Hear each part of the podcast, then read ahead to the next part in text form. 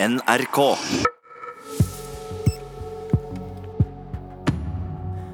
Da har vi ryddet eh, studio og gjort plass til ukens fredagspanel. God morgen til Aksel Helstenius, forfatter og dramatiker.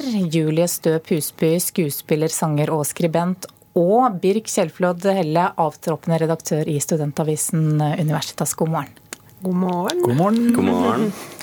Vi starter eh, med denne artisten her, som har fått mye støtte denne uka. You self-destructive little girl. Pick yourself up, don't blame the world. So you screwed up, but you're gonna be okay. Artist eh, Maria Mena ble rasende etter at hun ble spurt om hun er gravid da hun gikk på den eh, røde løperen. Noe hun altså ikke er. Hun forlot festen tidlig etter å ha fått en bitter smak i munnen av møtet med journalister, som hun eh, skrev. På Instagram sier hun at det gjør vondt med alle disse spørsmålene om hun er gravid eller snart skal ha barn, og hun får altså støtte fra en lang rekke artistkollegaer. Spørsmålet til panelet er er det greit at eh, journalister stiller slike spørsmål? Det er i hvert fall sånn det er. Nei, jeg syns ikke det er greit. Ja. Oi, oi, oi. Full splittelse her. Vi starter med deg, Birk. Hvorfor er det greit? Jeg mener at en rød løper kanskje ikke er tid og sted å stille slike spørsmål, så jeg skjønner godt at Maria Mena ble rasende. Men når man er kjendis, så medfølger det faktisk at man må tåle nærgående spørsmål om kjærlighet, brudd, sykdom eh, osv. Selv om det er ubehagelig. Det er kjendispressens oppgave. Ja, hvorfor det? De er offentlige personer. De har offentlig interesse. Eh, det er kanskje ikke så viktig hvem de skal ha barn med, eller om de skal ha barn. Men eh, det er likevel eh, sånn at når man har en offentlig person, så, har, så er også folk interessert i akkurat disse tingene. Nei, altså nei, det er ikke jeg enig i. Jeg tenker sånn På prinsipielt grunnlag så syns jeg ikke man skal spørre noen om de er gravide. Med mindre det ser ut som at vannet skal gå liksom om tre sekunder. Enten de er kjendiser eller ikke. Ja, rett og slett. Fordi det er, det er jo på en måte noe sånn at det med å ville ha barn, eller ha barn, eller ønske seg barn, det er en privatsak. Man veit aldri hvor mye folk eventuelt eh, sliter med å prøve å få det til, om de har mista barn, eller om de ikke vil ha barn. Det er liksom en sånn ting som er ganske invaderende å spørre noen om. Og jeg stiller meg litt sånn spørrende til hvorfor man som kjendis skal måtte dele av det. Jeg forstår at man som kjendis kanskje har en offentlig interesse, men privatlivet til en kjendis har jo svært sjelden noe med det de utøver å gjøre. Jeg kan forstå at man skal stille noen enkle spørsmål, liksom, men sånne ting som at man må svare på om man er gravid eller om man er syk eller hvem man ligger med, det syns jeg ikke har noe med saken å gjøre, egentlig. Ja, Aksel, leser du eh, sånn type stoff om hvorvidt Maria Mena er gravid eller ikke? Overhodet ikke. så, så, så, hvis ikke hun hadde gått og instagrammet dette her, så hadde jeg jo ikke ant hva som foregikk inni henne. Og det syns jeg er litt interessant som dramatiker. Vi har jo skuespillere med her også, liksom, han leter jo etter undertekst hele tiden. Og underteksten i dette her, at hun, gjør, at hun svarer på den måten, sier jo egentlig veldig veldig mye mer enn om hun hadde svart litt morsomt 'nei, dessverre' eller 'nei, heldigvis' eller 'gøy du spør', for jeg er akkurat på vei til apoteket nå. Men altså, altså men for jeg tenker jo at Det er jo sånn det er. Er jo, det kommer jo ikke noe kjempesjokk på Maria Mena at hun kan få dustespørsmål rett opp i ansiktet. Altså Hun har jo vært i gamet så lenge. Så jeg er helt enig, og jeg skal holde tunga rett i munnen. fordi at som mann og sånt nå, og Jeg har også vært ufrivillig barnløs, så jeg vet at det er veldig vanskelig å, å være planlagt morsom på sånne ting og si det. Men jeg syns det er interessant det hun Ved å svare på den måten, så syns hun hun har svart veldig mye. For så vidt, altså. For det, det, her er jo noe med sånn grunnen til at hun blir spurt om det, er en indirekte kommentar om kroppen hennes, som i prinsipp er sånn du har lagt på deg litt. Og jeg tenker Som hun også presiserer selv med den historien som hun har ganske åpen om med spiseforstyrrelse, og sånne ting, så syns jeg det er ganske hårreisende at man sånn, uansett hvorvidt man er kjendis, journalist eller ikke, at man tenker sånn Hm, jeg bare tar og spør henne litt om de forandringene med kroppen hennes. Så jeg sånn er du gravid, eller? Og da tenker jeg at det er liksom en større greie for henne enn bare sånn Jeg er personlig sur. Nå vil jeg bare, det er mer sånn Nå skal jeg løfte dette temaet, og det syns jeg på en måte at jeg oppfatter det som underteksten hennes. da. Ja da, jeg, men Det er jeg jo for så vidt enig i. Mm. Derfor så blir det jo en kjempesvær sak. Jeg mener jo at problemet her ikke er spørsmålet, men hvordan det er stilt. Hvis spørsmål stilles på en riktig måte, så kan man nesten spørre om hva som helst. Men å gjøre dette her på en rød løper uh, uten å ha Jeg vet ikke om de hadde et godt tips på om hun var gravid engang. Det syns jeg er frekt og invaderende. Men uh, hvis en kjendisredaksjon får et troverdig tips om at en er gravid, og man uh, legger dette frem på en ordentlig måte, og da kan kjendisen selv velge om de vil svare på det eller ikke. Men, da mener jeg det er greit. Men hvor mange måter kan man spørre folk om hvorvidt de er gravide eller ikke?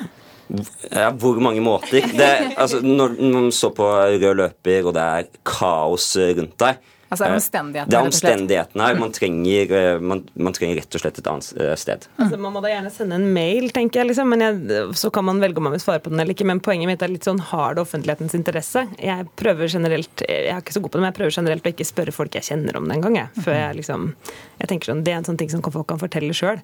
Men du er jo skuespiller, eh, sanger og skribent. Mm. får du, eller har du fått sånn type spørsmål? Eh? Nei, overhodet ikke. Men jeg er jo ikke kjendis. Det er den store forskjellen. Derimot så kjenner jeg jo folk som er kjendiser. Og det uten at Ja. Jeg, jeg kan i hvert fall oppleve det som når jeg er i nærheten av det og ser det liksom på nært hold fra den andre sida, så syns jeg Eller så ser man på en måte det menneskelige aspektet av det litt. da. Det er sånne ting som ikke du ville spurt en person du jobber med eller er, venn med om. Det syns jeg ikke man skal spørre kjendiser om Men det er, men det er jo ikke overraskende for dem. Altså, de har jo fått mange enda dummere spørsmål, og kanskje enda mer invaderende spørsmål også. Ja, men det er jo på en måte, jeg tenker sånn, det er det prinsipielle her. sånn, Ja. Hvem eier kroppen din? Hva kan du spørre folk om? tenker jeg. Vi kan lage en liste da, over hvilke spørsmål, kanskje. Dere som har kontakter. Vi skal skifte tema. Eh, Festivalsommeren er eh, over oss, og det skaper eh, gode minner for mange.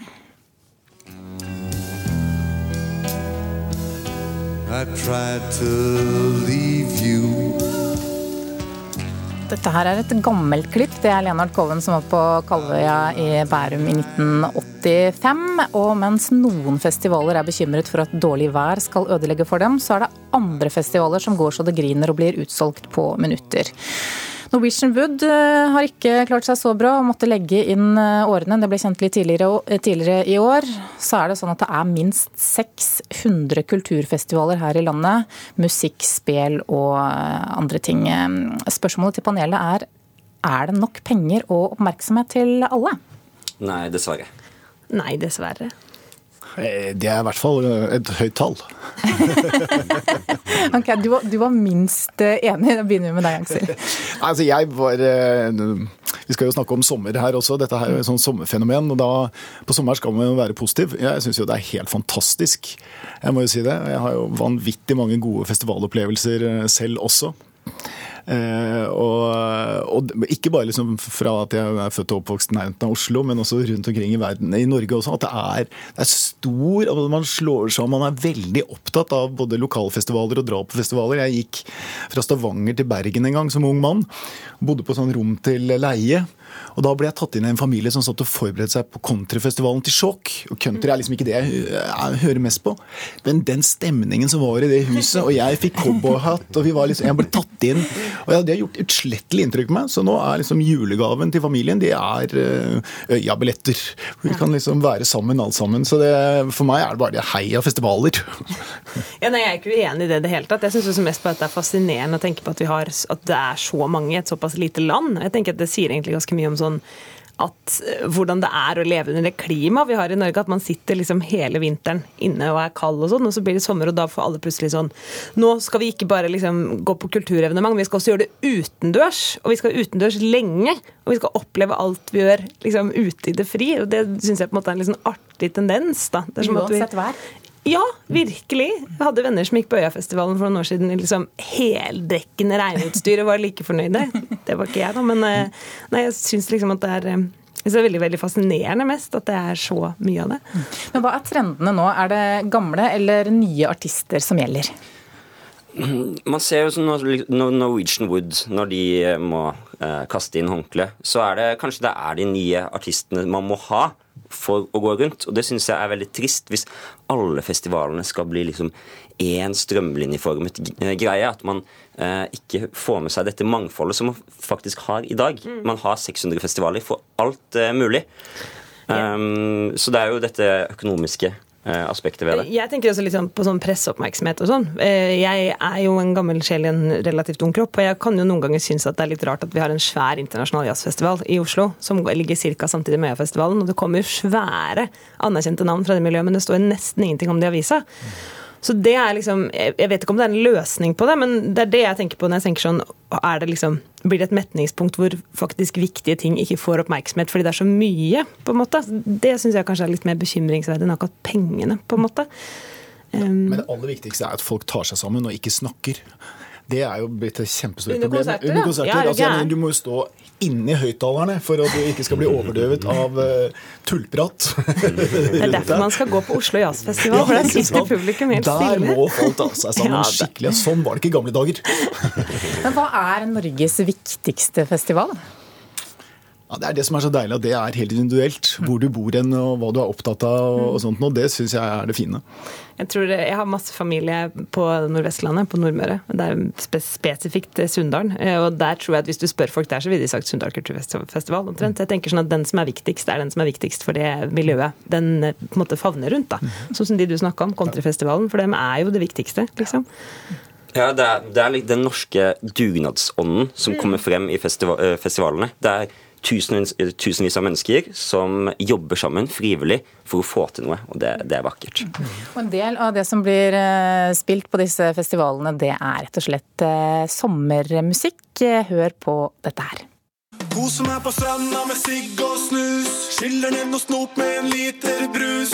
Kjeften min er gul og den ut, men tennene kan blekes. Rabattkode 20 Jeg. Dette er eh, nemlig for tiden Norges mest hørte sang på Spotify, og ligger an til å bli en stor sommerhit. Etter bare noen få uker så har låten blitt spilt seks millioner ganger. Det er tidligere fotballspiller Mats Hansen som synger om kosthold, trening og skjønnhetsoperasjoner. Og selv så kaller han det for hjernedød sommermusikk, med en slags moral innpakket i ironi i bunn. Men vi er nå litt nysgjerrig på hva, dette, hva det er som får folk til å sette på repeat eh, en sang som avsenderen selv innrømmer ikke er kvalitet. Og spørsmålet er blir nordmenns musikksmak dårligere om uh, sommeren? Tja, kanskje. Nei. Ja. Oi, oi, oi. Full splittelse her. Ikke?